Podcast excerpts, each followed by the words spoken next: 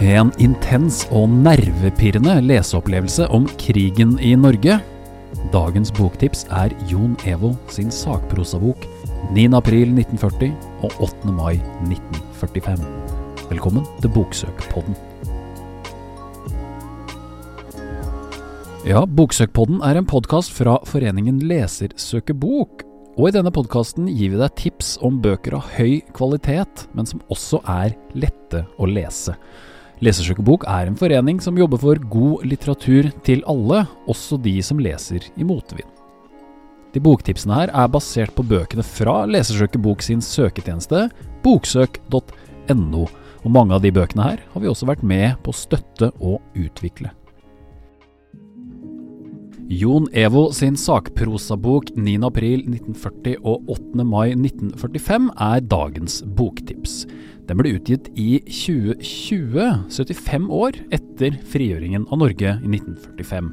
Den ble utgitt på Ena forlag, som er et imprint i Vigmostad og Bjørke. Og Leserskygge bok har vært med på å støtte og utvikle denne boka her. Og det her, dette er sakprosa som passer fint for mellomtrinnet og for ungdomstrinnet. Ja, det her er en todelt bok om den første og den siste dagen i andre verdenskrig. Og her får du faktisk to bøker igjen. Altså når du har lest del 1 9.4.1940, kan man snu boka og lese del 2 8. mai 1945. Og i kort korte og intense scener så får leseren ta del i hvordan Norges konge, tyske generaler, krigshelter og ikke minst vanlige mennesker opplevde disse helt spesielle dagene. Den boka her er også rikt illustrert av Dag Frognes. Jon Evo er erfaren med å formidle norsk historie, og et av hans sikre varemerker er nettopp dette med å skildre historiske hendelser gjennom perspektivet til enkeltmennesker. Allerede før midnatt får kommandanten på Oscarsborg vite at fremmede skip er på vei.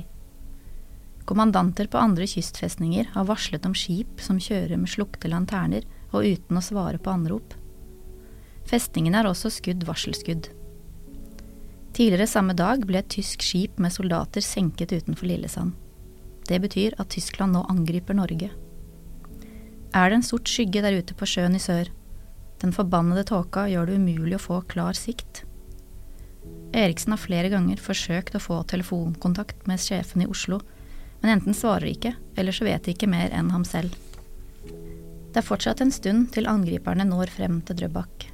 Han har sendt mennene ned i spisesalen på skift. Det er viktig at de får en matbit før de må sjaue med kanonene. Eriksen rister på hodet. Mannskapet hans er gode menn, men de har bare vært i tjeneste i syv dager de mangler militær opplæring. Andreas Andersen, som har ansvaret for torpedoene, har bare vært i tjeneste kort tid.